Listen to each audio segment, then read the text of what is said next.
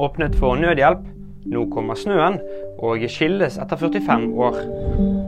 Grensen mellom Egypt og Gaza er åpnet. Rafah-grensen ble lørdag morgen åpnet for å slippe gjennom lastebiler med nødhjelp. De siste dagene så har det pågått forhandlinger for å få åpnet grensen, som er den eneste grenseovergangen som ikke kontrolleres av Israel. Melder snø i hovedstaden. Lørdag formiddag snødde det i Oslo.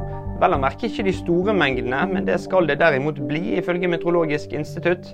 Fredag ble det sendt ut farevarsel for snø, og det er ventet 3-10 cm. Skiller seg etter 45 år.